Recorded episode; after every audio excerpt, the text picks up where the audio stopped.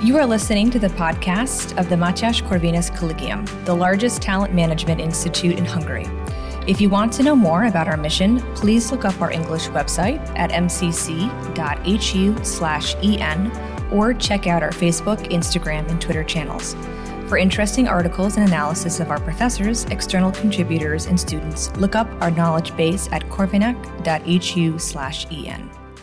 Good morning. Today in the studio, you have two doctoral researchers from ELTE University and National University of Public Service, Saule Anafinova and Anna Urbanovics. Have you ever heard about the international rankings of best universities? Every year, companies like Quacquarelli Symonds or Times Higher Education publish the list of universities from different countries, with the best universities occupying the top of this list. These rankings definitely influence the lives of modern students, parents, and employers. Today, we are going to discuss university rankings, and uh, Anna will present you the results of an interesting research conducted at MCC. Uh, but before we start our discussion, Anna, let's introduce ourselves to the audience. Uh, could you tell a little bit about your doctoral research at NKI and how you started uh, researching the topic of rankings? Yeah, so good morning, everybody. My name is Anna Urbanovics, and I am a doctorate student at the University of Public Service.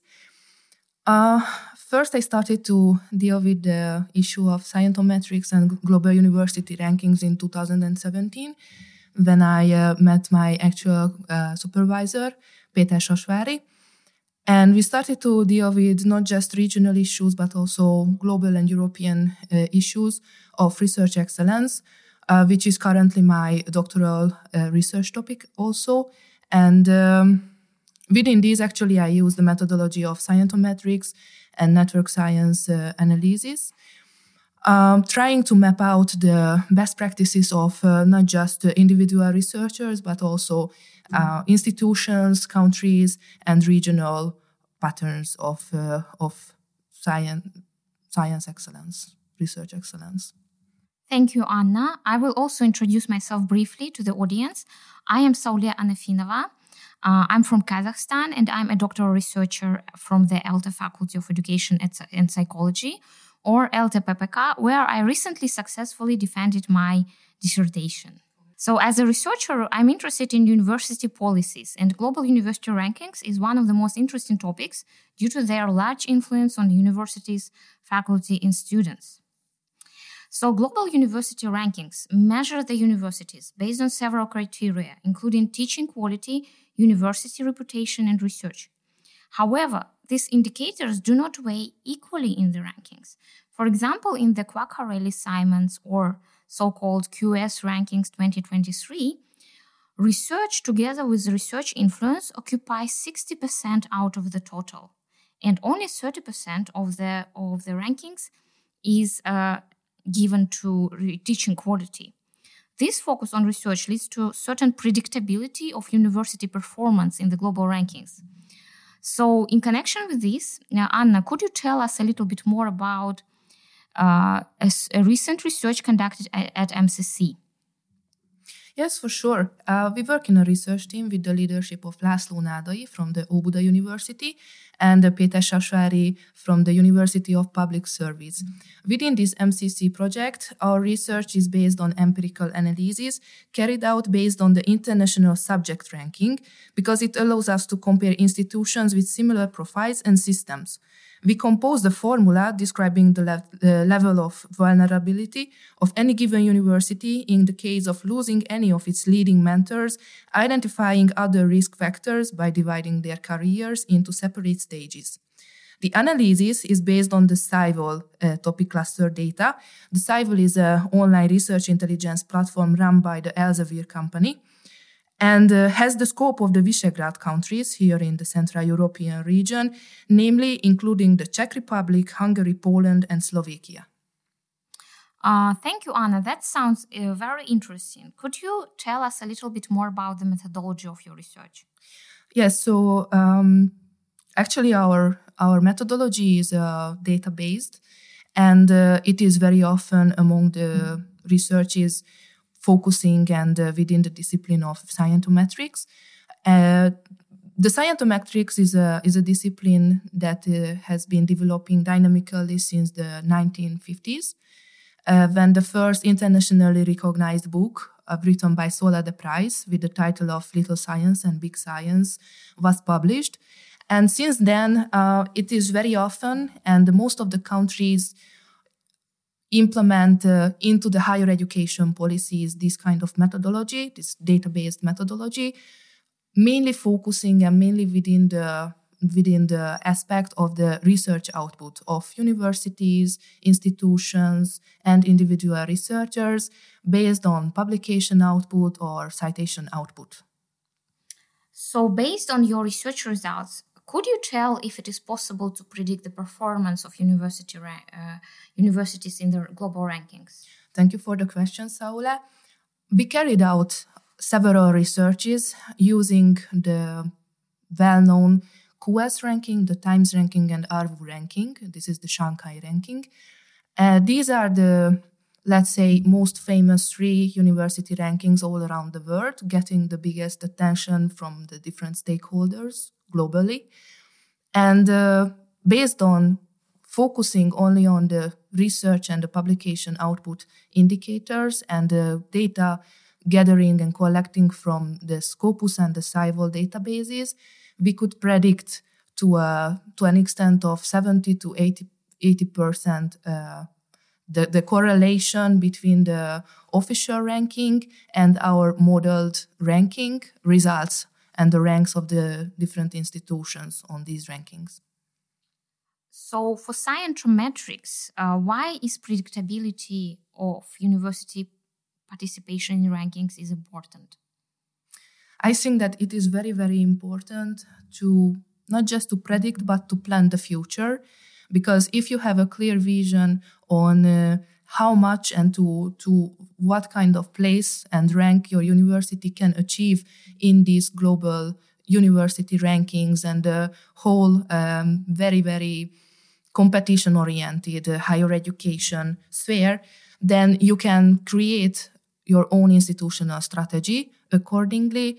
And uh, our results uh, brought us the, the, the finding that it is possible to predict these rankings, although most of them uh, incorporate and involve uh, different soft indicators based on, for example, the reputation based uh, survey or uh, other different factors, which is not really correlated with the research output indicators. I think now it is understandable why and how rankings um, drive the behavior of universities in uh, modern higher education landscape. Uh, similarly to uh, your research, I have conducted uh, a study of university uh, strategies of Kazakhstan universities and how they plan to improve their performance in rankings. And uh, based on the study of uh, a group of Kazakhstani universities, uh, I have found out that all these universities indeed take rankings very seriously and they include rankings in the policy st- strategies uh, of university development for the next uh, five to 10 years and even more. And uh, however, this increased focus on research drives the development of universities in a specific direction. So we can say that many Kazakhstan universities have tried to adopt the model of Western Research University, uh, where there is a lot of focus is given on research. Um, in connection with this, uh, there is uh, uh a doubt whether the increased focus of ranking on rankings is good or whether other approaches are possible towards university benchmarking. From uh, your experience and your research results, could you give us some recommendations for university developments in relation to their rankings? It's a pretty challenging question, Saula, because I think that uh, all of the three pillars is are very important for the university whole picture and, and the whole performance, general performance of these institutions, mm-hmm. which are uh, include the research pillar, education excellence pillar, and also the third type mission of the universities, including uh, knowledge transformation and, and transfer or uh, helping the local community. And in, in this way, it is called social responsibility. So I think that all of these pillars are uh, equally important.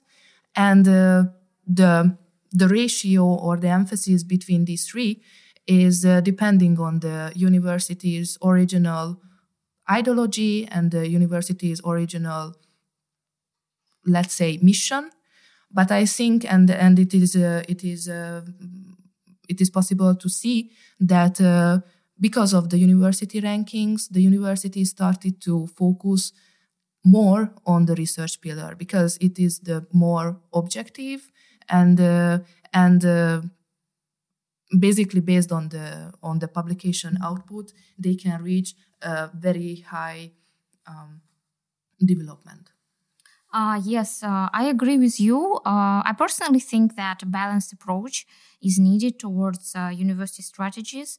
Um, otherwise, there is a risk of um, isomorphism. So, in my research, I applied a theory of isomorphism, which is uh, a sociological uh, concept developed by Stanford scholars in the middle of 20th centuries. And the, in Stanford, they developed this theory of isomorphism, which suggested that organizations, for example, companies or universities, tend to uh, adapt towards uh, some standards. And in connection with this, they tend to adopt a certain model of organizations which can help their survival in the market or survival in the competitive environment. And uh, in connection with this, if universities are driven too much by rankings, it, it, it, can cause isomorphism of universities towards a certain model, which can risk the diversity of uh, institutional environment of higher education systems. So, uh, in connection with this, I do think that um, it is very important for universities to carefully plan their strategic development. And in this moment, I agree, I agree with you very much. Uh, overall, uh, recently my university has achieved a pretty good position in the subject rankings in several disciplines, including psychology and linguistics. And due to this global influence of university rankings, the research performance of university faculty also becomes subject to measurement. And I have recently read your, your other study on scientific career tracks and publication performance of uh, Hungarian faculty. What patterns did you observe in, to, in terms of research and career paths for full professors in different disciplines? Thank you for the question. Yes, we published several years ago an empirical analysis and uh, the findings of these uh, of these analyses and work, which uh, focused on the university full professors here in Hungary, and we could uh, map and highlight that their career track was pretty long to achieve the university full professorship. It took on the average 22 to 26 years altogether among the different disciplines. There were not so huge uh, differences between the disciplines.